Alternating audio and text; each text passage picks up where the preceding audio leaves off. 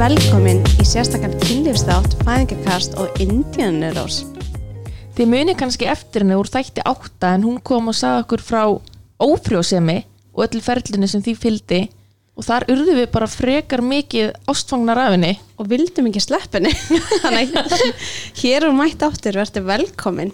Hjálp, það er búin að leysa mig inni Send Takk help. fyrir Og við ætlum að fara í gegnum kynlíf. Mm -hmm.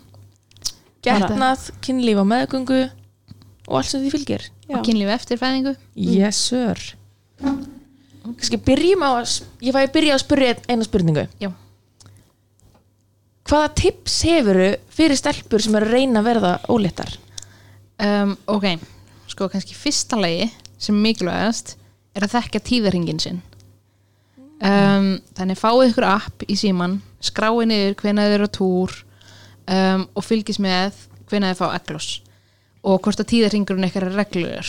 Já. Ef hann er reglulegur sem er 28 til 31 dagar sem sagt frá fyrsta degi blæðinga fram að þú byrjar aftur á túr veist, það er svona ringurinn um, þá ættir að vera eglósi alltaf cirka tveim vikum eftir fyrsta dag blæðingar. Já, ok. Um, þannig að maður verður kannski dóltið fyrst að fylgjast með hvort maður sé reglur ef þú ert regluleg þá er mjög líklegt að þú sért alveg að fá eglós um, þannig að maður verður að fylgjast með því og náttúrulega stunda óvarið kynlíf ekki vera pillunni, ekki nota smokk. Ég segi þetta bara því sumir gleyma þessu aðeins. Um, og ekki stunda kynlíf á hverjum degi. Minga það innan fjöldan og sæði eða? já, þannig, Já, ok. og þarna erum við náttúrulega dóldi að tala um uh, gagkinnegt par þannig að það er píka Já. og það er tippi Mhm. uh, og fólk er kannski rætt um að missa skilur, akkurat af deginum sem eglósið er en málega er að sæði getur lifað inn í legungurum frá 3 til 5 dögum og ekki þegar eglós það lifir alveg í heilan sólarring þannig að stunda Ah. ah. kynlíf annan hver dag þannig er það að byggja upp svona ágætt sæði um, og þá myndi alveg ná að hitta eglós Já, þannig að kannski frá degi 10 sem sagt eftir fyrsta dagblæðinga degi 10 til kannski dag 17 stundakynlíf annar hver dag því þá myndu alveg líklegast örgla hitta á eglós skilur Einmitt. að stundakynlíf ef þú ert með reglulegan tíðarring Mhm.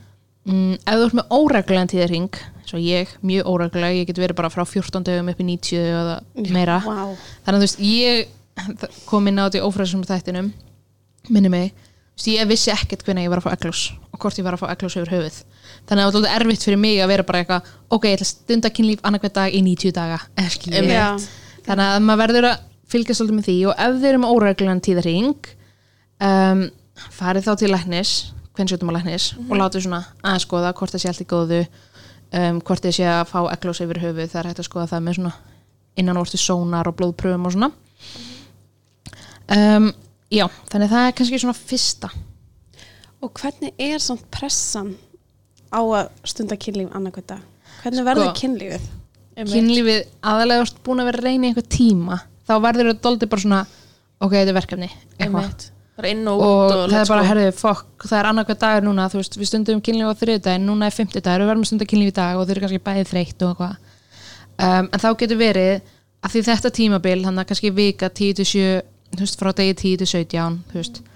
Eða þú veist, eða vika eða 10 dagar eða eitthvað sem þau eru að stunda kynlíf annarkvæð dag. Þú veist, jú, þetta er leðilegt en bara svona teklega þannig.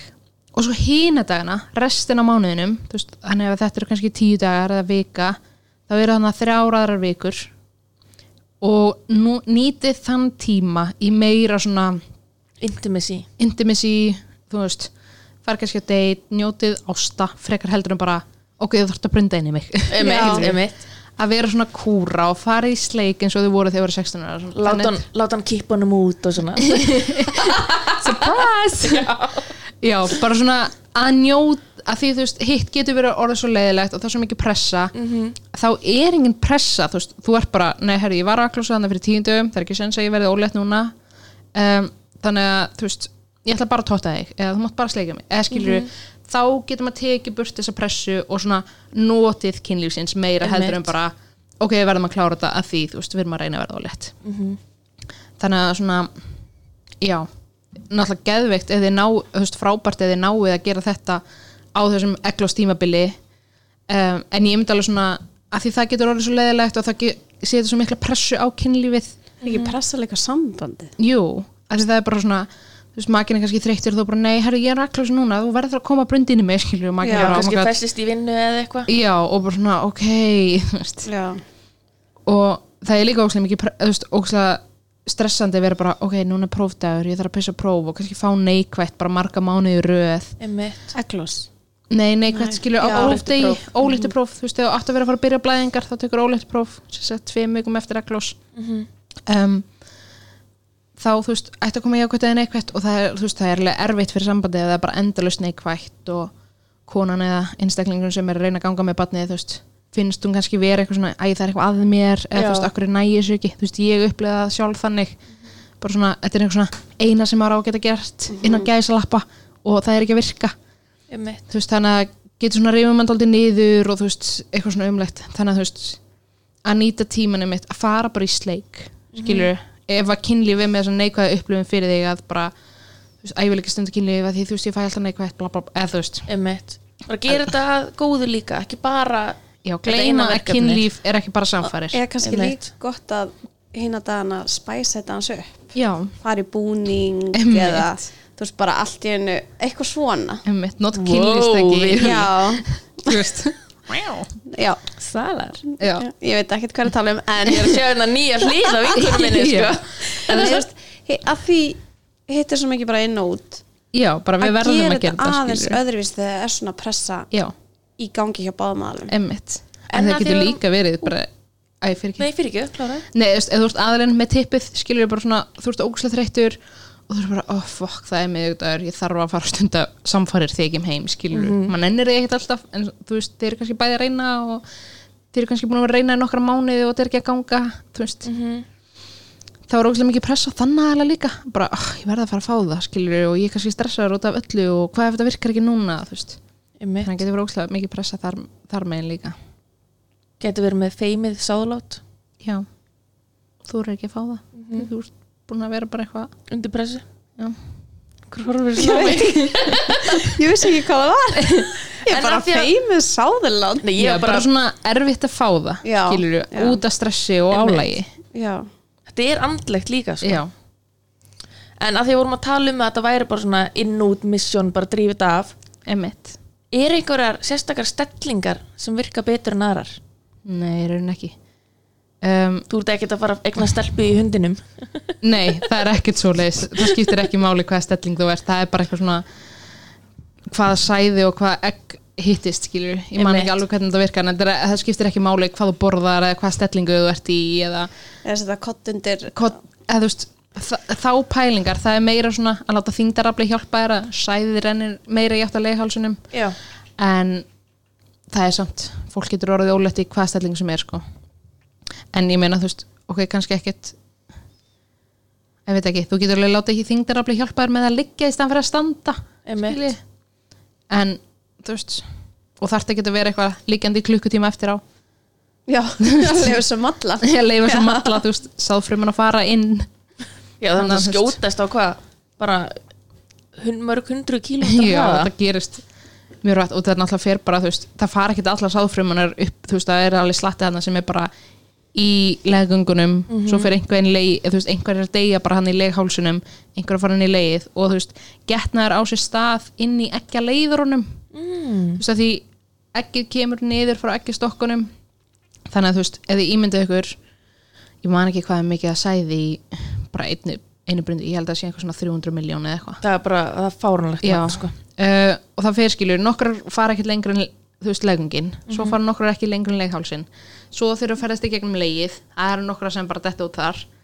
Um, og helmingurinn fer kannski í vinstri ekkjaleiðaran og ekkið kannski að koma í hægri veist, þannig að þótt að sé 300 Vá, miljónir sem koma úr klessinu þrep.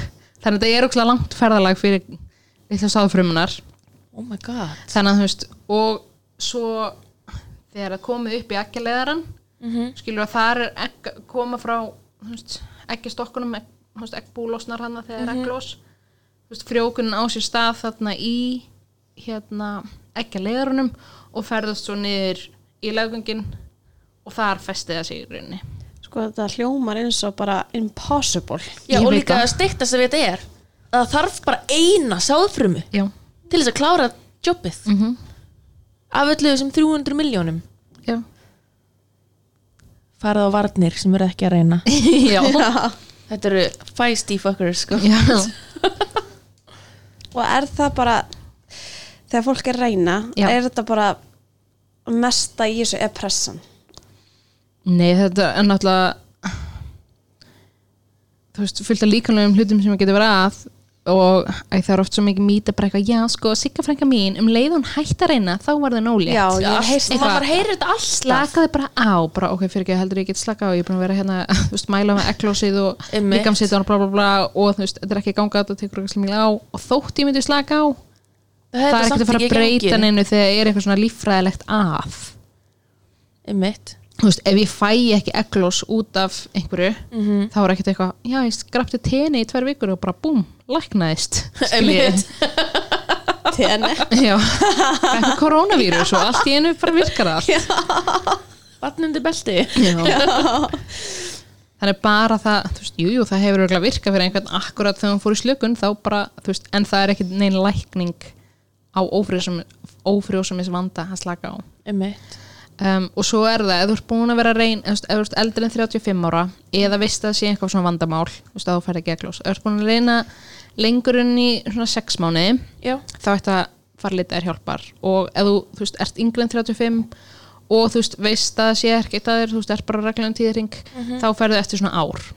Og hvert fer maður til þess að leita? Er það bara kvennsjóttumalæknir það er bara gott fyrst að skrifa, fara til kvennsjóttum að læknis um, og þá tekur að þú skilur blóðpröfur líklegast að skoða skilur inn í þig uh, með svona leganga Ég var einmitt að skoða stóri hérna Mari Lenu Já, í dag. einmitt. Og hún var einmitt að tala um þetta ferli, þannig að ég mæli, mæli innilega með að kíkja Já. hana. Marja Lena og þá hún er með svona highlights, heitir Já, um það í þessa byrjun. já. Og einmitt ferði blóðpröfu og þú skoða og skilur makinn sem er tippið er sendur í þú veist sæðispröfu.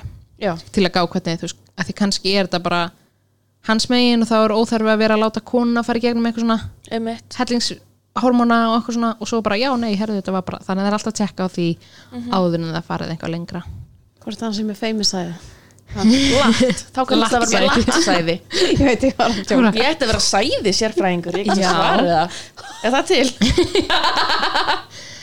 þú getur Jú. bara, ég veit ekki, þú getur ekki að sapnað og fara að skoða, Já. keftin eitthvað smásjá og ég, ég er til í þetta jobb já, en eins og þeirra sem eru búin að reyna já, og taka síðan hann eftir tvær vikunar, taka óliti próf og þá kemur jákvætt mm er alveg óhætt að Já. halda áfram að stunda kynlíf þá?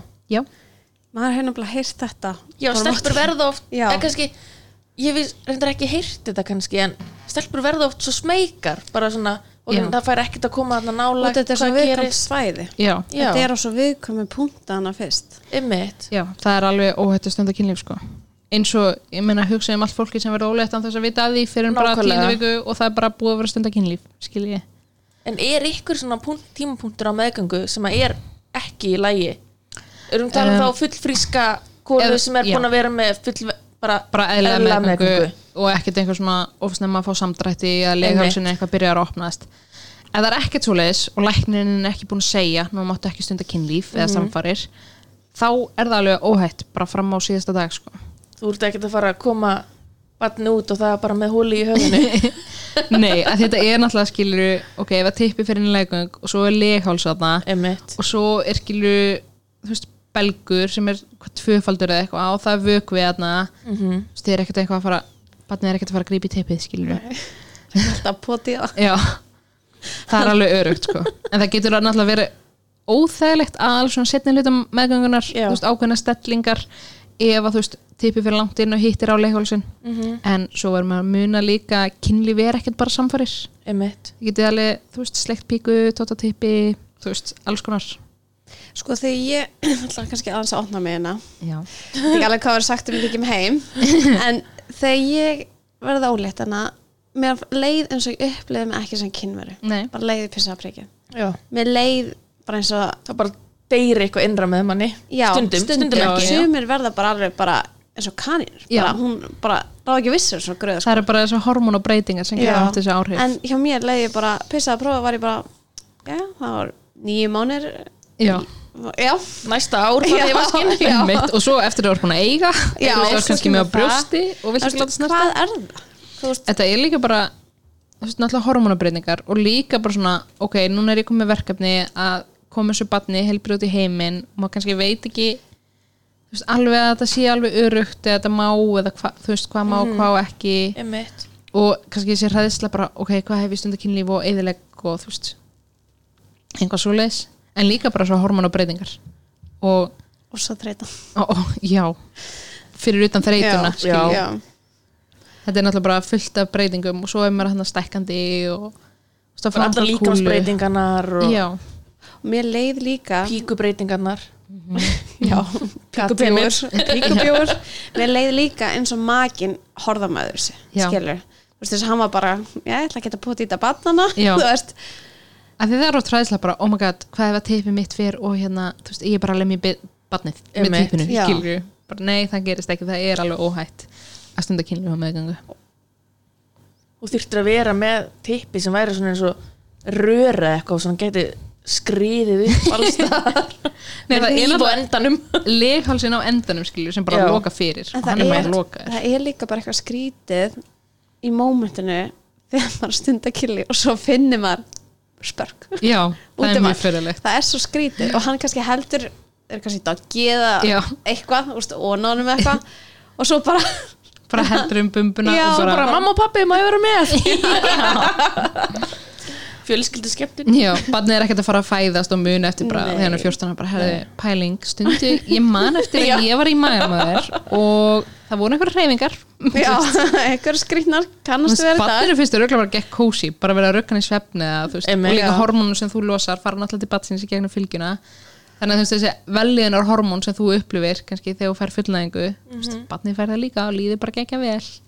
Og hvað getur maður svona gert svona til að breyta þessar hugsun bara að langa ekki stund að Já. kynlíf Sko það er náttúrulega bara fullkomlega eðlilegt að langa ekki stunda kynlíf bara hvernig sem er náttúrulega yfir æfina um, en ef þið langar það ef þú ert bara svona, ok, mér langar í kynlíf ég bara er ekki stuði Já. já, um, að stundum verður maður bara svona að koma sér í stuðið. Veist, Mhm. kannski byrja bara og ég er ekki að segja þig að gera eitthvað sem líður ekki vel með. Það má alltaf hætta við, það má alltaf draga samþykki tilbaka. En þú veist kannski byrja að fara í sleik. Einmitt. Uh, og byrja á að byrjar káfa allt hvort öðru. Já, byrja aðeins að káfa hvort öðru og þú veist, gá hvort það fer eitthvað lengra. Ef þau eru bara eitthvað, nei, ég er ekki stuð því stundum er þetta svona eins og þegar maður er að fara að taka til mann ennir ekki að taka til og svo ertu bara eitthvað, ok, ég geng frá hlutunum. Já. byrja að ganga frá, svo ertu bara allt í einu án vist að byrja, þú veist, ryksu alla íbúðina. Þannig stundum verðum við bara svona koma Taka skrefið. já, taka skrefið, þegar miklar þetta kannski fyrir sér en þá bara muna bara, ég þarf ekkert eitthvað að fara stund að samfyrir, það má vera bara sleikur eða öðru eða þú veist, eitthvað svoleiðis.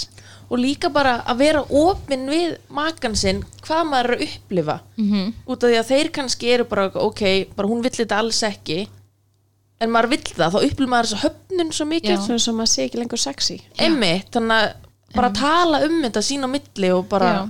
hafa þetta bara allt á borðinu. Og líka þú veist, ef maður bara upplifur þetta ekki og makin vill kannski huskinlífi eða fullnægingu verður bara, herði pornhub.com já, ég kefti múffu fyrir minn. Já, bara ég var að fara inn í herbyggja og látt mig vera já, bara múfaði sem sagt kynlistæki verið kallmenn já, uh, þú veist, emmitt bara minnið það á, að, þú veist, eða þeir fara í sleik og makinn fróa sér á meðan skilja, það má alveg líka. Þú veist, svona breyta hugsunum ykkar um hvernig kynlífið er Já, það þarf ekki að vera inn og út típipika nei, og ég meina það er ekki eins og öll pör þannig að Með það sé tippa típa típu. pígu Já, það er kannski tvær þú veist, samkynja stelpur eða konur skiljur og önnur er að ganga með barnið einmitt þú veist, þannig að það getur líka verið veist, það er hægt að gera alls konar það Mhm. er ekki bara samfarir og það þarf ekki endilega að fara bara innan gæsa bara alla leið, hvað sem það þýðir fyrir ykkur mm Mhm. -hmm. skiljið og því anall! en hvern eru enda þurfa smöki lægja meðgöngu? Uh, já, ég held það. Það er náttúrulega sko auki blóðflæði neyri kynfærin þannig að þú veist, það getur verið óþægilegt og Þú það veist, er er maður bara að fara að fá gillina eða eftir þetta eða? eða bjú. Uh, það getur ekki Getum að fengi bjú í endaþarmin alveg örglega Já, já, ég, þú veist, þú getur fengið bjú allstaðar held ég. Nema kannski í augun eða eitthvað en þú getur alveg fengið í húðuna í kringum ég veit það ekki nóg, vel. Þið þurftu að fá hjúgrunafræðing eða eitthvað í heims og annað lækni. Ok, endaþarmsmög off limits jú, eða þú veist, það er kannski bara getur verið viðkvæmt og líka margir fá hæðatræða á meðgangu Já, vá. Þannig að- bara öllu upp. Og þú ælir bara Eða losar. Gætir Já. enda losað. Þannig að það er bara eitthvað Ástin, ég er ekki búin að kúka í viku. Ég hef bara aldrei pælt Ég hef aldrei pælt í þessu. Ekki heldur, aldrei. Að stunda enda þann smög á meðgöngu. Nei, það er góð pæling fyrir Já. næstu meðgöngu. Já. Já. Endilega láta okkur vita að prófa. Já, hvort það virkaði. Hvað var bara stopp líka svona eins og börn eða eru alveg stípluð þá getur maður nota svona Þetta þannig að kannski verið svona virkar það bara eins. Tippið er bara að örva hæðinar og það Þetta er Þetta er groundbreaking myndir nota smokk kannski upp á að fá ekki hæðinar yfir, þú veist, Já, í þværa svona tippinu og Úff En talandi um bjú Já Það er eitt hérna sem langar að fara yfir mm Hversu algengur er bjúur í píkuna á meðgöngu? Sko, ég er ekkert með hennan tölfræði en ef þú ert með bjú á höndunum og á fótunum af hverju ætti það ekki að koma á píkuna skilji, Einmitt. Mhm. uh, það getur náttúrulega verið mismun, mismunundum milli einstaklinga Mhm. um, og ég myndi þá kannski bara að reyna að nota þessu sömu ráð eins og þú átt að nota við bjú almennt. Uh, þú veist, drekka mikið af vatni og kvíla og allt þetta. Mhm. maður átt að vera með fætunar fyrir ofan skilur Já, svona aðeins herra upp. Herra upp, ég veit ekki, setja píkuna þess herra upp. Það eru með kotta undir rassinum og líka bara minna sig á að þetta er bara tímabil skiljið Einmitt. Ég er bara píkan að mér var afmyndu af bjú sko. Ég bara einhvern veginn leit. Leit óvart í speil og ég var bara traumatized En líka bara skoða píkuna, hvernig hún lítir út og hvernig hún breytist á meðgöngu. Já, bara fárunlegt En er hún ekki bara komin í sitt Hún er gamla bara- horf? Ef ekki betri sko. Já, ég er ekki frá því. Hún er komin á buksunum. Nei, Já, leif öllum að sjá hérna. Þú veist bara þetta er svona umræðefni sem ég fíla og þá er erfitt að gleyma sér í ruglunu Það er erfitt að verða óvæs. Ok, þú veist að þetta verið inni sko.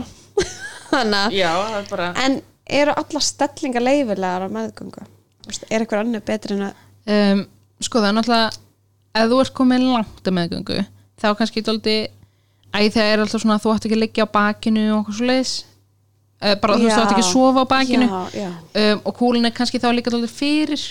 Um, þannig að þú gæti verið kannski að þú veist svona standandi doggi standandi og stiði við eitthvað eskilju hallaði fram. Um, eða legið á hliðinni.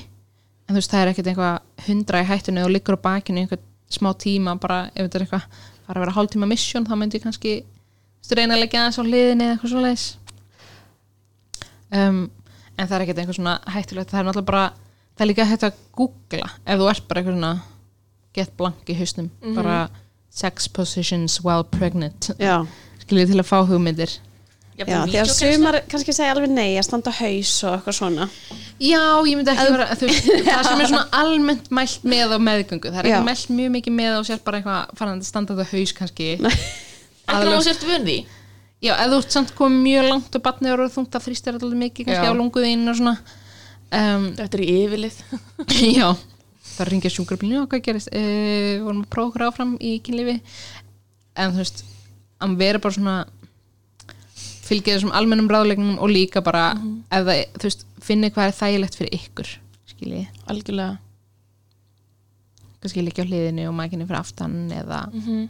um, ef mækinni ætlar að sleikja píkuna liggja einhvern veginn þannig að það sé gott aðgengi Mhm. og því að liði þægilega að því, þú veist, ef þú liggur á bakinu þá kannski svona þingsli eða eitthvað skiljið Já, brjósviðinn Já. Ú, Húf, ú, takes me back Ekki að sleika píku, bara brjósviðinn Sara Björk er þetta bara með mig sko. Viktor, finnst þetta mjög óþægilegt umræðum Já, En hérna Ég var alltaf eitthvað kött út sko. nei, nei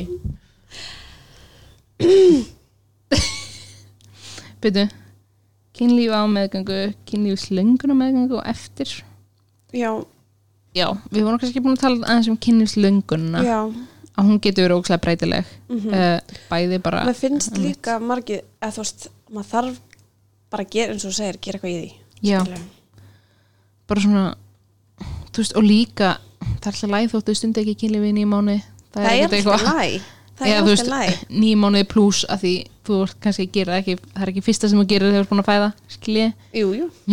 Bara upp á þess að getið tekið barni fram smá Þú búin að vera að deyja í nýjum mánu Ég er já, Nei, róksleilt en, maður á kannski bara svona ef maður vill þetta Mhm. að segja, alltaf komið það eins og mér langa alveg, en mér Já. leið bara ekki að mig, emmitt skilur En þá mitt kannski var það hugsunin fyrir þér að kynlíf var bara allir pakkin, skilju, það var bara samfærir, skilju. það var bara eitthvað róna mér og ég er sérstast Já, einmitt. Og nefndi kannski ekki þangað, nei, en þá bara svona, ok, hvað annar er búið, skilji.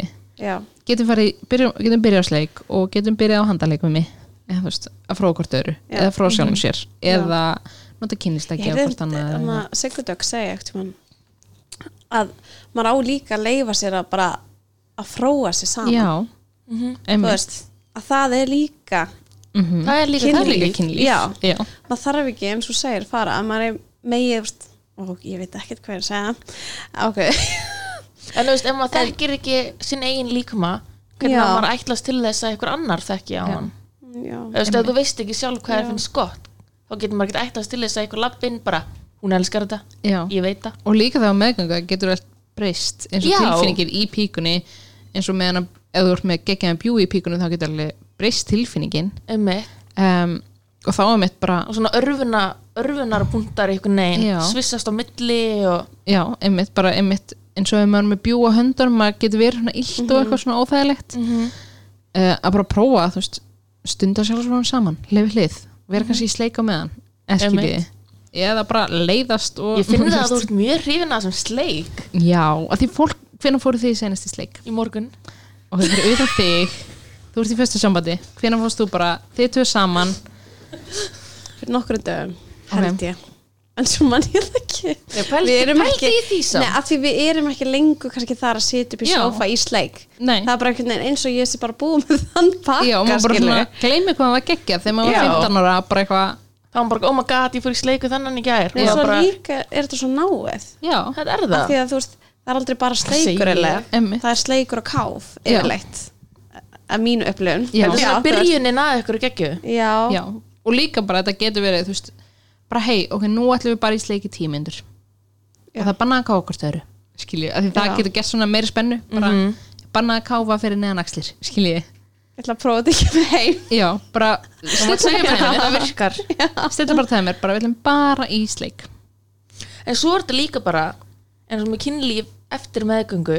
Já, maður er einhvern veginn, maður þarf að læra allt upp og nýtt að það breytist allt. Og líka bara það að stunda kynlíf með batn á heimilinu. Mhm, það eitt og sér er bara því líka aðtöp já. Já, og líka það er margir mjög hrættir við að veist, stunda kynlíf og batnið er í herbygginu já, ef að batnið er bara yfir höfuð óviti þá er það ekki að fatta séu að stunda kynlíf. Er nokkra mánada, kann ekki að tala kann ekki að tjá sig. Já, já, og þeir líka ef að batnið er inn í batnarúmi skilja og eitthvað finnst það óþægilegt eitthvað svona batnið horfir á okkur ef það vaknar eða eitthvað, þú veist, láti bara hangklæðið eða eitthvað yfir hliðina sem snýr í áttuna ykkur. Mm þá sér batnið ekkert. Undir sæng. Já, verið undir sæng. En svo, já, eins og maður er búin að eiga þá er þetta aðtöp já, þetta er bara eitthvað, ok núna þa- þarf ég að fara að ríða plásturna af og stunda Já. kynlíf ef ég ætla eitthvað tíma að gera það aftur aðeins en því fólk er líka oft hrætt. Já, af því ég bara maður að ripna aftur Mhm. eða bara svona stressið út af því að koma körpalt út sko. Já, emmitt svo ekkur að fara vestnast hann inn og svo sko. að fá gúrkinn. Nei. Já. það er líka, þú veist ég mæli með að skoða píkunum sinna eftir fæðingu. Já, að því maður kannski ímynda sér að þetta sé bara eitthvað Bara horrorsjó. bara horrorsjó. Ég var, sko, ég var ennþá á fæðingarborðinu þú veist, nýbúin að fæða. Og ég bara, Kristoffer, þetta er mynd af píkunum minni. Hann eitthvað ok, og þú veist, ljósmæðurinn voru hann fyrir aftan eitthvað Viltu svona með flossi? vigta- já, vikta batnið eitthvað. Og ég bara svona, já ok, hún var ekki það slæm skiljiði, já, alveg í fæðingunni sjálfri. Já, ég var bara nýbúin að koma batninu út. Kannski max, þú veist, þau voru eitthvað hana, tók hann og voru að vikta hann og allt þetta. Ekki búið að sauma? Uh, nei, held ekki. Og bara blæða? Já, það, hún var bara mjög þrútinn og blóð en þú veist, ég var búin að ímynda mér miklu bara meira eitthvað klessu. Svo Já. var hún bara, herðu, hún er bara nokkuð fín já, já, og svo aftur nokkru dögum eftir fæðingu ég er bara, Kristoffer henni að taka mynd. Já. og hann bara, ok. Og það var bara allt í læg með hana skilja, hún leit bara mjög enlega út. Þannig að fólk eitthvað svona Já, sjá bataferli líka já, bara sjá að það sé allt í læg með hana. Einmitt. að hún, já, mér sem líka. Að því þú veist, ok, hún getur alveg breyst. Þú veist, það getur alveg svona litabbreytingar og barmanni geta breyst og um, þó, jafnvel þóttu ripnaðir ekkert eitthvað sjúklega um, og líka, þú veist, ef þú ripnaðir sjúklega og ert bara geggjum mikið saumi þá getur verið, þú veist, æði við eins og maður fara ör einhver starf annars starf líka mann þá húðin getur alveg breyst eftir sauma og svona. Þannig að það getur alveg líka gæst í píkunni og þannig að maður þarf bara svona að skoða hana og bara kannski kynast henni aftur upp og nýtt eftir Algjörlega. fæðinguna. Það þarf að gera það. Og líka bara hræðslan líka er að vera er ég nóg þröng. Já, þú veist eins og fattar hvað við já. Bara svona, er ég nóg þröng fyrir hann? Emmitt. Og spáðu hvað svo pressa frá samfélaginu að píkur eiga að vera eitthvað svaklega þröngar Einmitt. uh, í staðan fyrir bara já ok, hann getur það bara runga sér og krist á sér hendur hann fast ef hann, þú veist. Að píkan má ekki bara vera Eins og hún er. hún er, ég var að fæða bann, skiljiði um, og náttúrulega þú veist, þrengsli í píkunni um, það er oft skiljið, þú ert ekki undirbúin þú veist, ef að píkan er eitthvað svona geggja þröng þá er maður bara svona, ok, ég er kannski eitthvað stressuð eða það vant að sleipefni eða, veist, og þá er það oft óþægilegt fyrir mann sjálfan líka bara, Já. píkan er ekki nóg kynfræðslega tilbúin að fá eitthvað inn í sig. Um, eða þú ert kannski með yfirspenta grindapotts eða þú veist, þannig að þeir eru bara í spennu í stæðan fyrir að ná að slaka. Og ég meina grindapottsöðunum maður verður alveg, þetta er bara eins og aðri veðurum maður verður að byggja það upp mm -hmm. uh, aðlæst í meðgangi þegar rosa mikil álag á grindapottsöðuna bæði bara þingslinn sem koma niður og skilur að fæða Mhm. þannig að það er alveg gott líka einmitt að láta meta grindapottsöðunum sína eftir fæðingu ef mann er eitthvað er það ekki á kvennsjúknarlækni? uh, getur eða það er meira kannski hjá sjúkarþjálfara sem er sérhæfðir í Já. en það er alveg svona 69 mánuðum eftir fæðingu þú veist ennþá bara öll í haki þú veist 69, þú veist þú átt að er að svona tala um hana að pissa á sig eftir fæðingu eins og Já. það sé bara geggja eðlilegt og það er bara, Já. það lifa bara allir með því. En það er ekki eðlilegt. Nei, það er ekki eðlilegt ástand eða þú veist, 69 mánuðum eftir fæðingu það átt að vera geta haldið í þér. Þú átt ekki að vera alltaf að pissa á þig. Og, og ef maður er ennþá að því og maður er kannski, nei, ég er búin að vera sjúklega duðlega að gera grindbótsæðingar en þá er maður kannski að gera æfingarna vittlust Einmitt þannig að þú veist, þá er ókslega gott að fara kannski til sjúkraþjálfur að læra að gera það rétt. Uh, og þarf ekki að vera veist, að eilifu hjá maður verður að finna sjúkraþjálfur sem er sett sérhæfður í grindbóts vandamálum það er eins og það var hérna táp sjúkraþjálfun uh, hérna upp í Kópói, ég veit ekki hvort þau séu hér ennþá en þau eru með eitthvað svona grindabóts námskeið og um, ég ætti að fara svo les Já. því því ég sippa að pissa ég á mig. Já, sem er Æfingum. bara þú ert ekki ná að halda grindabótnarnum Já. rétt. Og að því maður hefur svo oft heyrt að þetta sé bara Hvernig maður finnst þetta bara normið. Já, ég meina það var gert grín eða þessu í skaupinu. Hann að þær fóru í röss og þær voru allar búin að pissa á sig. Einmitt. Já. þá er maður bara svona, já þetta er eðlilegt. En það er ekki, þetta er ekki svona eðlilegt ástand að eilifu að vera alltaf að pissa á sig. Þannig að Kannski í lægi fyrstu vikuna eftir fæðingu eða eitthvað. Já, guð minn almatur ég hélt Það má neinu. sem er í bleiðu það er sex mánuður sinni ég átti, ég er ennþá eitthvað að pissa á mig um, en ég er líka þú veist með yfirspentan grindabótt því, og svo hefði ég kannski farið bara við erum ekki duðlega að gera grindabóttsæfingar alltaf að spenna. En þú veist málið er að ég er núna hjá sjúkraþjálfara ég á að vera duðlega að slaka. Ah, sem ég hefði kannski verið bara spenna, spenna, spenna meðan það hefði kannski ekki hjálpað mér að því ég verð frekar að slaka er það þannig að þegar þú gerir grindabástæfingar ert að þrengja píkuna líka? Sko, að vera með sterkar grindabóttsöða er í rauninni þá þú er kannski ekki að þrengjana per se en þú, ge- þú hefur þá betri stjórn að þeim. Uh, og getur er það þá að þrengi einhvern veginn í samförunum já, sjálfum. þá nærður í rauninni svona að herpa vöðuna uh, ég veit ekki hvað maður segir. Þú veist, utan um tippið já, og margir segja veist, að fullnæðingar verða betri eða veist með góða grindabóttsöða að því þú veist, fullnæðingin er, þetta er bara svona þú veist, samdráttur í öllum vöðvunum, þannig ef mm -hmm. eru sterkir og þannig að þú far ekstra góða fullnæðing Þetta er samt mi mi mikil bölvun uh, því að meðgöngu Kostur og gallar alla meðgönguna, já, einmitt, en þá pissa á mig og eitthvað uh, alla meðgönguna bara frá 16. viku þá var ég með grindabats krampa Að því- bara svona eins og þú færið skilur krampa í fótinn. Það var ég með í leggöngunum hvert einasta sinn sem ég snýri mér í rúminu. Ái það var ekki mjög gaman. Þannig að þú veist ég er alveg búin að vera hjá sjúkaraþjálfara bara á allir meðgöngun og fólk talar ekkert um þetta. Ég vissi ekki eins og þetta væri hugmynd, til. sko. nei, það það er, er sérhæfið þjálfur sérhæfið sér grindabott þú veist, já. Ég bara og það er myndlega bara, já ok, hvað gerðu ég er bara, já, hún sko, hún setur puttana sína inn í leggöngi mín og nuttar vöðvana. Já, og fólk bara, ha, já, nákvæmlega þessi viðbröð sem ég fæ ha? Að því þetta er bara, þú veist, eins og ef þú ert að fara út á einhverjum bakvendamálum með eitthvað, þá þarf sjúkaraþjálfarinn að nutta. Bakið. Bakið og það er saman með þessum vöðva. Þú kemst ekkert í grindavöðun á maganum. Ég er í takk sjokki. sko. En samt geggja þetta sé Já. til og þessi hjálp. Sé til staðar Já. skilur, að því ef ég var í þessu vesen ég var- myndir okkur bara þetta kvennsjúktulækni bara, Já. um, en þau myndu nú örgulega vísa um, á réttan stað. Og líka eins og ég uppliði eftir um að rifna Mhm. hvað ég fóti kvennsjúktulækni bara til að aðtöfa hvort að hún væri eins og ný. Já, bara bara að heyra út? annan segja Já, og segja bara allt sé góðu saumanni sé að gróa vel af því að kærasti minn, já, hann get ekki eitthvað herðu saumann að gróa mjög vel. Já, einmitt. Mér fannst það svolítið gott að fara og láta kíkja. Bara allt sé góðu, da da Já. da da. Já, bara þetta sé búið að gróa rétt. Já, Einmitt. já, já. Og mér fannst það ógeðslega gott áður en ég stundaði kynlíf þú veist, Já. í fyrst skipti. Það er líka Að alltaf að tala svona- um þú veist, æ, þú veist, læknar og ljósmaður það segja, þú veist, ok, bannaði stundar kynlíf fyrstu sex vikunar Mhm. og þá er kannski dálítið svona pressa á sambandi bara, jæja, það er komin vika 6 við megum stundar já. eða vika 7 en það er mál, þú veist þessi 6 vikna viðmið það er með að við að leghálsin lokast og fær ekki í sýkingu og eitthvað svoleiðis. Það þýðir ekkert að þú sér tilbúin að stunda kynlíf eftir 6 vikur. Þú veist, 6 vikur eftir fæðingu þetta er náttúrulega bara hellað álag á líkamann og að vera með barnabrjósti eða ekki brjósti og vakna allar nættur og allt þetta það er ókslega mikið álag, það er ekkert eitthvað vika 6 ég er tilbúin.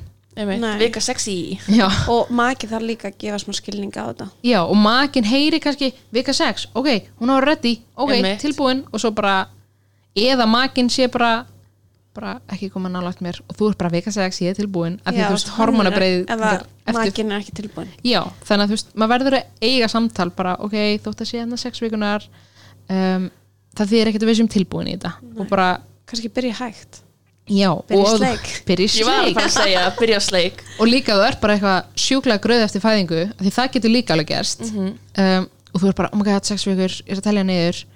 Þú, þú mátt alveg fara í sleik, þetta er bara með við samfarir. Þú, þú mátt alveg fara í sleik og Má- þú mátt totta og Já. máttu ekki líka alveg nota smokk? Jú, ég myndi samt alveg fara svona hægt með það bara Já. upp á þetta getur verið ennþá opið þannig að er ennþá þessi sýkingra hætta þetta er alltaf svona gróa saman. Um, en þú veist, ég veit ekki, Bara fara ég fara enda þann smökin? Það er í analinn já, fara eftir því sem læknarinn segir. Ef læknarinn Já. gefur grænt ljós og þú treystir þér til þá bara einmitt, Gott og að þú getur blessa. farið einmitt í þessa eftirskoðun hjá hvernig sjúkdómalækni, hann er eftir þessar sex vikur. Mhm. og einmitt, ef þér finnst það að þú þurfur að gera það og líka það eru margir sem fara þá upp á getnaðvarnis eða þú ætla að fara á, þú veist, er að fara að stunda vilja stunda kynlíf aftur um, og eru skoða bara hvaða valmöguleikar eru fyrir þau og hvað hendar þeim, veist, hendar þér að fara pilluna eða viltu fá ringin eða sprautuna eða viltu bara láta það taka úr sambandi þú ætlar ekki að gera þetta aftur um, og þá er einmitt fínt að fara veist, aðeins að kíkja veist, ef þið finnst það þægilega það er einmitt pressa, bara sex vikur. Já, já, Mhm. já, núna bara verið tilbúin og því að það kom það sex vikur.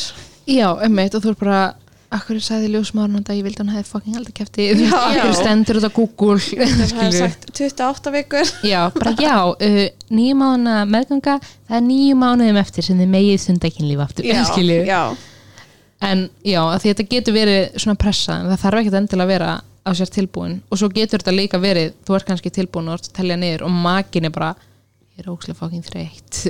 Já. ég get ekki. Ég hef með mitt sagt þetta í podcastinu að ég blotnaði ekki. Nei. fyrst einmitt. Og þetta var bara andlegt. Já, það Þetta var getur náttúrulega verið bara þú veist, maður er að upplifa nýjan líkama Mhm. og maður er að þú veist, kannski Ég er búin að vera skömmuð fyrir þetta í öðrum þætti. Þetta er eins og að missa innan gæsalappa meidómin aftur. Og það nú er tölvu ekki meidóm við tölum Nei. ekki með þetta um en. En þú veist svona, svona- fyrsta, þetta er að gera þetta í fyrsta skipti Já, því út af þessar hræðslu og ég myndi þetta andlega, bara svona stressið og ógæslega mikið álag að vera komið Mhm. nýja einstaklingi fjölskyldinu sem þú þarf bara algjörlega að hugsa um, um þannig að og líka hormónabreitingar Mhm. uh, aðlega vart með á brjósti Mhm. og bara eftir allar fæðingar það er mjög eðlilegt að finna Lí- fyrir þurr líkamsbreytingar voru því að fyrsta bad slitnaði ekki neitt annar já, sko bara ekki Hakkavélin. fara- já, sko bara ekki fara út í það þú veist og ég var bara með nýjan líkama. Já. Þú veist og mér leið ekki sexy. Nei, og líka bara bara- slita á maganum já, og bumbu. Bumbu.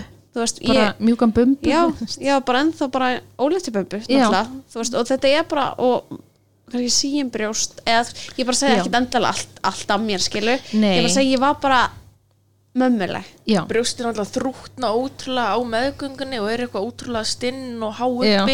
Svo maður kannski bara horfir á brjóstin og maður bara ok, bara geggja svo er barnið að fara að taka nætugjöfuna já. maður mætir, heldur maður sér gett sexy lítur á tómu brjóstin sem lafandi maður bara Já. oh my god ég upplýði þetta nefnilega, brjóstin Já. mín breytti Já. og ég, ég var bara að reyna áttum á nýjum líkama Mhm. og reyna úst, að finnast ég sexy í Já. nýja líkamanum mínum að þetta er líka, maður sér alls þar á Instagram og eitthvað svona popped back only two weeks. Já. after maður er eitthvað svona, oh my god, og svo situr maður hérna í netanærbuksunum sínum Einmitt. með seri á skálina Já. klukkan fimm um nótt og bara eitthvað þú veist, ennþá með óléttu bumbuna skilju, ennþá ekki kúlu og batnið er hann að vill ekki sopna, þú ert ekki að mjölka ná og þú bara, af hverju er ég ekki eins og þessi Já. pía bara komin í sama form aftur eftir tvær vikur? Og þú ert ekki búin að raka lappinar síðan bara á þriðju viku meðgöngu og og fyrir utan hana. Þau rakaði sig á Já, fæðingatildina eða, þú veist, maður er bara eitthvað svona og ég var ekki að reka með píkun og sko þannig sex vikur þú nei. Þú veist, maður er bara eitthvað svona ok, af hverju ég, þú veist, það er svo mikið þessi pressa sem er á Já. netinu og um, bara allstaðar einhvern meginn í kringum hann. Um, og maður gleymi þetta aldrei svona allt í náttúrunni breytist af hverju ætti líka minn minn ekki breytast? Já. skilju, af hverju ætti ég ekki að þú veist, vera ennþá með slitin og okkur, væri ekki alveg skrítið ef maður færi bara fullkomlega í sama far aftur bara tveim vikum eftir meðgöngu? Það væri, þá var ég bara, ok, þú ert einhver svona læknisfræðilegt undur, bara. Já. já, þá væri líka bara miklu fleiri börni og allir væri þannig. Örgla það held ég. Ef það væri bara ekkert mál mm það einmitt bara myndi ekkert breytast og þetta myndi ekkert hafa neinn áhrif? Já, bara meðganga væri ekkert mál og fæða væri bara ekkert mál og, það bara er ekki veruleiki. Nei, og þú veist, einmitt þú eignast batn og það er kannski líka þú veist, ekki nógu mikið, þú veist, það er alveg mikið álag að vera bara eitthvað með nýjan einstakling búin að fæða og allt það og svo eru kannski líka peninga ágjur algjörlega. Uh, og kannski eitthvað svona reyfrildi út af peningunum og þú ert ekki búin að reyksuga og þú veist. Já, þú lætur barnið ekki rópa rétt. Já, einmitt, svona bara allt eitthvað svona, ógæslega mikið álag á sambandið og þá er ógæslega erfitt að vera eitthvað sex vikur tilbúin í kynlíf. Einmitt. Já. Já. hann að og þú veist, og maður verður líka svona eins og við vorum að tala um líkamsbreytingar að það er ógæslega að því að ég þarf oft svona mikið pressa bara elska það líka menn, bara ok, það er kannski Já. ekki fyrsta skref að þú ert bara virkilega ósáttur. En fyrsta skref er kannski bara svona taktu líka inn í sátt. Einmitt, bara á hann og bara herðu, ok, ég er með fullt að slitum ennþá á bumbunni, bara ok, þannig ég líka held með minn meira bara þess að bara kjærasta mínu finnst ég bara meira sexy eftir Já. ég átt bara, fattar emmitt, þú veist og þetta kemur svona ekki til hausna með fyrsta skipti bara, nei ok, ég er að fara að kynlíf í skipti ok, já, maður bara, líka bara með peppræðina fyrir framann speilin bara ok, Já. þetta verður svona you og svona. got this bara, Nó, sleipefni, ég er henni með átján túpur. Láfi að ég var svona sko. Já, en, veist, en ég upplýða bara þetta eftir eftir ég búin að eiga bara að maður þarf bara alltaf að nota sleipinu já, ég bara alltaf, þú nei, en, Snýpurinn bara- bleiti sig ekki sjálfur. Tippi bleiti sig ekki sjálf já, Enda þar mér bleiti sig ekki sjálfur. Já, Þannig að ég segi bara, notaðu sleipefni alltaf. Já þetta er eftir þannig. Og þú veist ekkert í hvernig stöðu þú ert í. Nei. alltaf þegar Einmitt. langar að gera þú ert ekkert alltaf bara hæ hæðsta stíi grættu skilu þú ert kannski langar að stunda kynlíf en þú ert bara svona Já, bara lala, já, bara svona, Og líka- til. Já. Bleitan, þú veist, breytist eftir tíðaringnum Þegar þú ert í já, egglósi er það já, málið? já, Já. ég finn nefnilega alltaf langmest fyrir grættu og eglúsi Já, ég er bara sé? líka mig, þú ferði ekki annað. Akkur heldur að það sé? Ég held að þetta sé bara way of life, nei ég veit það ekki. Svo sért líklega til að stunda ekki, ég var að kynlíf. segja þetta um dag já, þetta er- já, um, Þetta er svo sért líklegri til að stunda kynlíf Svo við fjölgum okkur. Svo við fjölgum okkur. Já. Það er það sem líka mann okkar þetta snýst um. fáránlegt. Já, og þessi bleita er þú veist, sæði lifir vel í því. Þess Já. vegna er aukið aukin bleita þegar þú ert eglósi uh, að því það er að búa til gott umhverfi fyrir sæðið. Góða leið. Góða leið, Já. smyrja þetta upp. Stelpur. Svo þetta hitt í mark. Já. þetta eina litla eina Þessi litla eina setja- litla af öllum miljónunum Já, svo getur bara gert eins og ég bara brundaði, láta kerstan brundaði glas og bara þetta er sprautaði inn í ekkið og setti bleiðaður Já, Mér finnst það the easy way. Já, the easy cheap way. Cheap. Kosta ekki nema hálfa miljón, pocket money. Já, þetta var bara, þetta var klink. Já. Oh my god, sko. Og hvað tips hefur endi Sko, í fyrsta lagi myndi ég bara segja að gleymi þessari hugmynd um að kynlíf sé alltaf spontaneous. Maður verður bara skipulega kynlíf sitt um, aðalega, þú veist, ef þeir eru með börn og þeir, eða, veist, ok, ef þeir eru nýbyrju saman ekkert börn og þá er maður kynlífið oftar bara eitthvað svona upp úr Einmitt. bara allir hafa tíma það, og- þetta, geggjað spennandi. Svo eftir eitthvað tíma, þá verður maður bara skipuleg maður verður að, þú veist, við gefum okkur tíma í allt. Við erum bara, ok, fara að hitta mömmu á sundegi uh, mati á henni þar, uh, ég er að fara að vinna þarna ég er að fara að vinna þarna, maður kannski með dagatæli sitt fullt af einhverju, já, ég þarf að fara að fund og, en maður verður líka bara að gera þetta með kynlífið til að passi inn í bara Lífið. Lífið. Og það þarf ekki að vera með svona eins og við erum búin að tala um eitthvað svona full on kynlíf, það má vera bara sleikur. Mhm. uh, og gef, það getur verið bara ok, öll þriðdagskvöld þegar krakkarnir eru sopnaðir þá setjumst við upp í sófa og fyrir mig sleik. Eða við ætlum að sofa saman Já, ég elskar líka hvað kynlíf verður meir upp í sófa heldur en rúmi sem er eignast Já. Að því bara svona, börnin eru sofandi inn í herbyggi eða mitt bara, ok, við ætlum snemma upp í rúmi í kvöld við ætlum Já. ekki að vera að hanga í Instagram og í töluleik og, og horfa einhvern þátt á Netflix, við ætlum bara upp í rúm og við ætlum að kela og við ætlum að káka okkur töru. Og það er bara á þriðið á skuldum. Eða um, og það þarf ekki að vera um kvöld líka maður verður kannski líka átt að sjá því að ef þú getur fengið pössun lögatast hádegi uh, að því mamma ykkar er kannski ekki að vinna eða einhver vinkun ykkar er laus eða bara á mánudegi klukkan fjögur getur einhver sótt í leikskólinu fyrir ykkur. Að hafa kynlífið þá bara þá. Maður verður bara svona eða er það að þið vaknið hálftíma fyrr og þú veist, einn daginn Vá, ég hef ekki eins og pælt í þessu. Nei, bara finna hvað hendar fyrir Alltaf bara kvöld. Já, það er alltaf bara kvöld. þá er maður náttúrulega væntanlega þreyttur eftir langan dag já, og það bara, gormónum æ, og gerum þetta morgun. eitthvað svona, getur við ekki fært veist. Mhm. um, að finna bara út hvenar mögulega hendar okkur best. Mhm. getum við fengið veist, ef að hoppa heim úr vinnunni í hádegin og þriðdegi og þykist vera að fara til læknis. Veist, og taka eitthvað bara hátegisliðið að stunda kynlíf skiljiði. Þannig að breyta gefur svo Geggjað hádegi. spennu bara. Já, emmitt, og þetta er kannski hádegin og þriðdegi þá getið þið verið að senda einhver svona Dóna SM skilabóð dóna skilabóð uh, allan morgunin eða eitthvað þannig að byggja upp aðeins spennuna. Vá.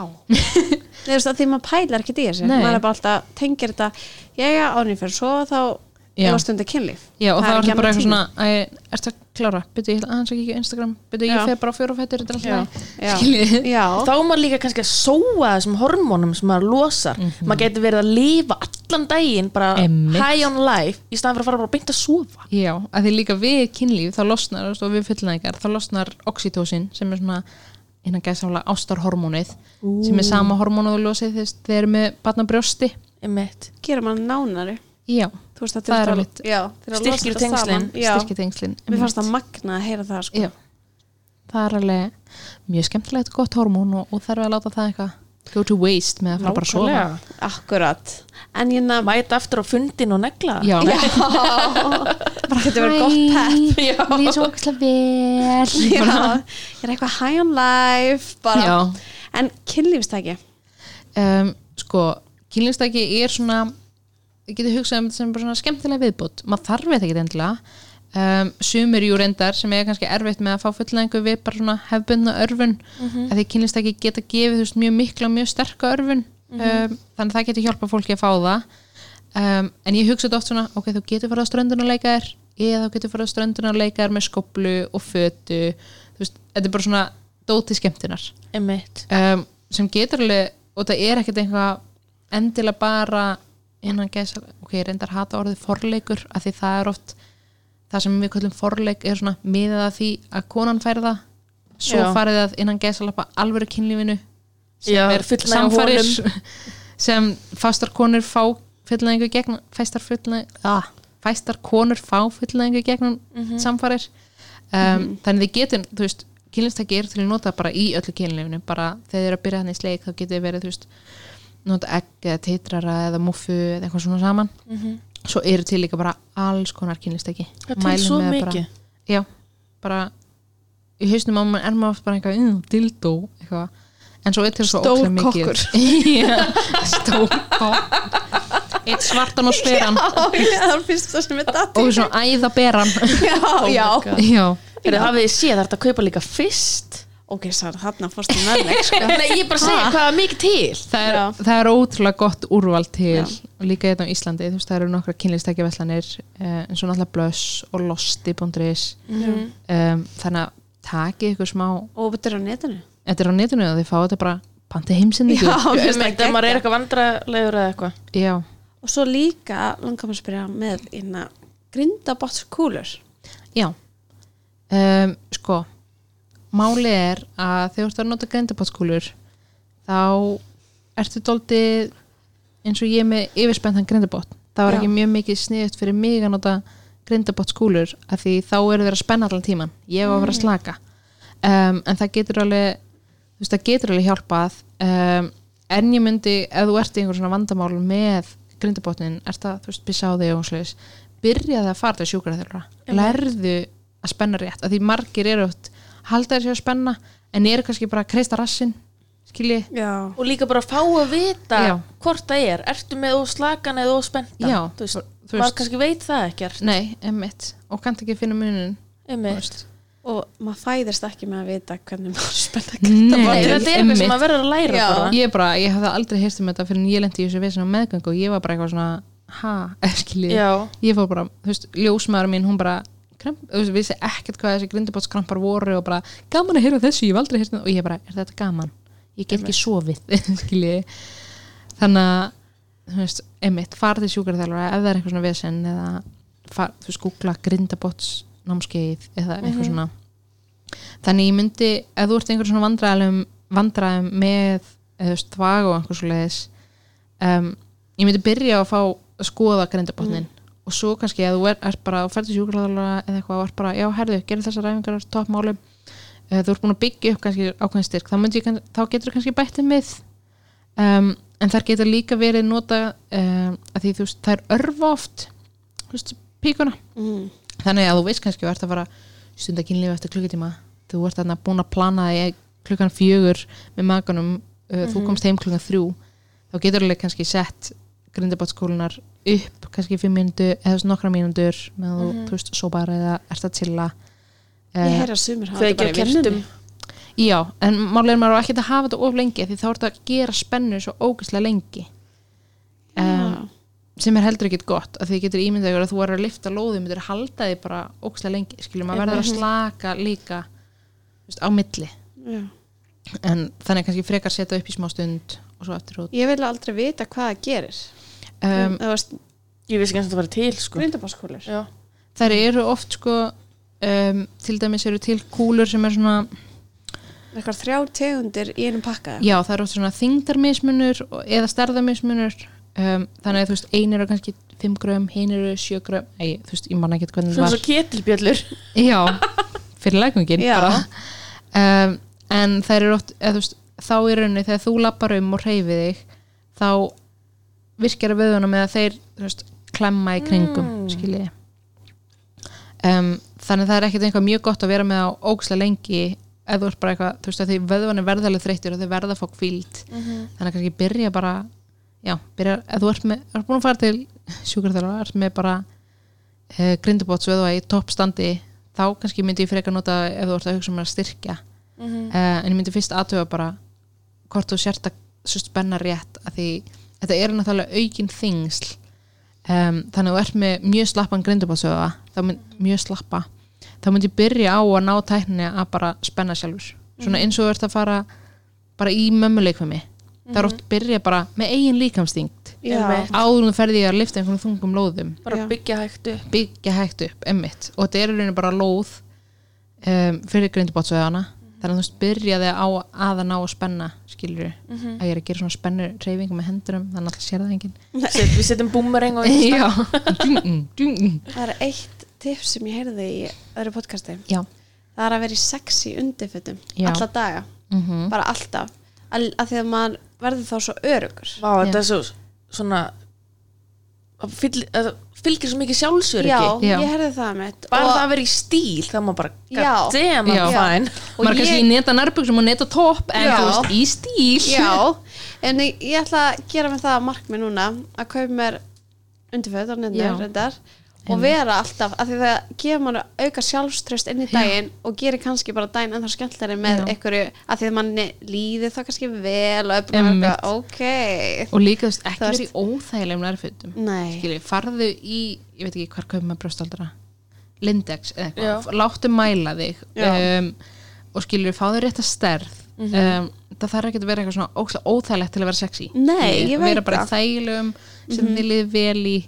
Þið allavega markmið með þessa mánuður er að Já. vera í nærfötum eins og þú segir, í stíl Já. og líða svona sexy að maður, þú veist það er fyrst sem maður setur á og svo Einmitt. kannski fæði maður eitthvað skemmtilegt um kvöldið Já. skilja, að manni líður Einmitt. þannig og líka þetta er, ef þú tala um mækaðin og þú bara, það hendar ykkur á miðugutum því ætlaði að stunda kynlíf, skilji klukkan fjör, að því það getur einhver að passa fyrir, getur einhver svo til leikskólan um, að því þá bara ok, það er miðugudagur, ég ætla í sexi nærfötin í dag, skilju og þú ert svona, þá getur verið að senda SMS allan daginn, eða þú veist, þegar þið getið bara vákvað með laka til að hitta þig í kvöld eða já, veist, senda mynd. Já, eitthvað svona tís þetta er bara milli ykkar. Já, þú veist, ef þú treystir makaneinum og það er gott samband og allt þetta það er þess að myndi bara Mhm. ykkar. Þú veist. algjörlega. Og svo langar mér að segja eitt í viðbót Já. svo er það líka oft svona samfélagslega skilabóðin og pressan um líkamæðin og hvernig þú þarft að vera þegar þú ert að fara að stunda kynlíf.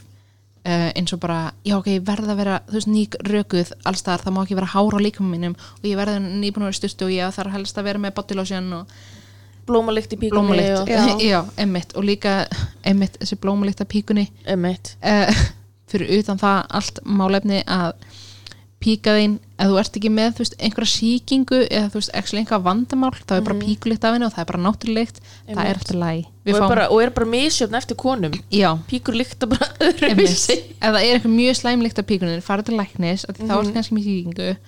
En að við fáum svo mikið að skilabóðum að píkan sé óhrein skilji, eins og þið lappið í bónus eða krónunni farið með binda deildina. Já, það var oft bara ógislega mikið svona lykt bara öllum ilm efnunum í ógeðslegt dömubundunum sko. af því það er svona verið að senda okkur skilabóðin að píkan okkur séu sjóksleg og túr séu sjókslegur að við verðum að vera með eitthvað svona lykt og við verðum að passa að vera þú veist, geggja reynar, ok, ég er kannski ekki að segja þú veist, ekki vera búin að fara í styrst í þú veist, mánuð. Mánuð. Að og þú bara eitthvað, ákveðið hreinlæti skilur eða þú veist bara svona almennt að hugsa, um- um hreinlætið fóst í styrtu í gær og að stunda kynlíf í dag það er alltaf læg það er líka maður hefur ekkert endilega eða þú ert með batni eða börn og þú veist allt þetta sem fylgir því þú ert kannski að vinna og bla bla bla þú hefur ekkert einhvað tíma til að fara í hálftíma styrtu þú ert bara inn, skóla, sjampo, næring aftur út Einmitt. já, en líka hafið þið eitthvað tíman á æfi ykkar lendi því að vera að fara að sofa hjá strák bara maka ykkur eða ykkur með öðrum og hann er bara, oh, nei, ég er ekki búin í sturtu eða, oh, nei, það er svo vonlegt að Já. tippinu mínu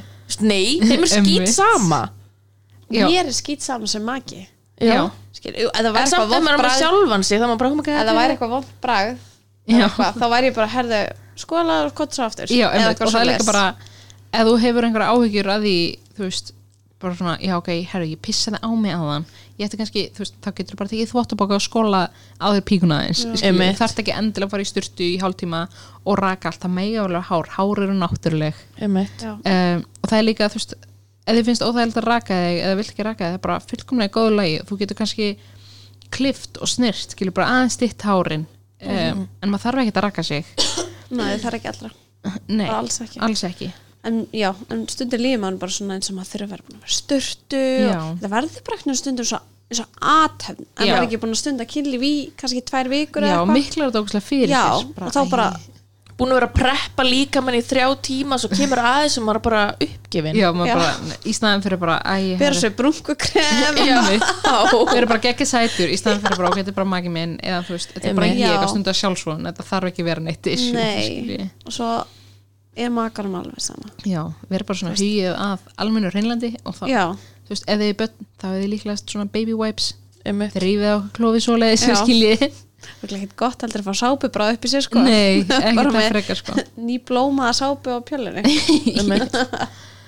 og þá kannski bara eina að lokum er að hafa þetta allt á yfirborðinu tala við makan og muna sleiku sleipiðefni Já, og fyrir utan, við erum alltaf allan að þátt, þá eru við doldi búin að vera áætla að fólk sé í heilbreyðu sambandi um, ef þú ert ekki í heilbreyðu sambandi þú veist, þér á ekki að líða illa með maganinum leita þér hjálpar það er hægt að fá hjálp. Til dæmis getur verið gott fyrsta skref að tala við vini eða hafa samband við bjarkarlið það getur við fengið, þú veist, það er bara frí þjónusta, getur fengið viðtöl og ráðgjöf og hjálp. Um, þannig að og þú skuldar engum kynlíf þóttu sért með makanum.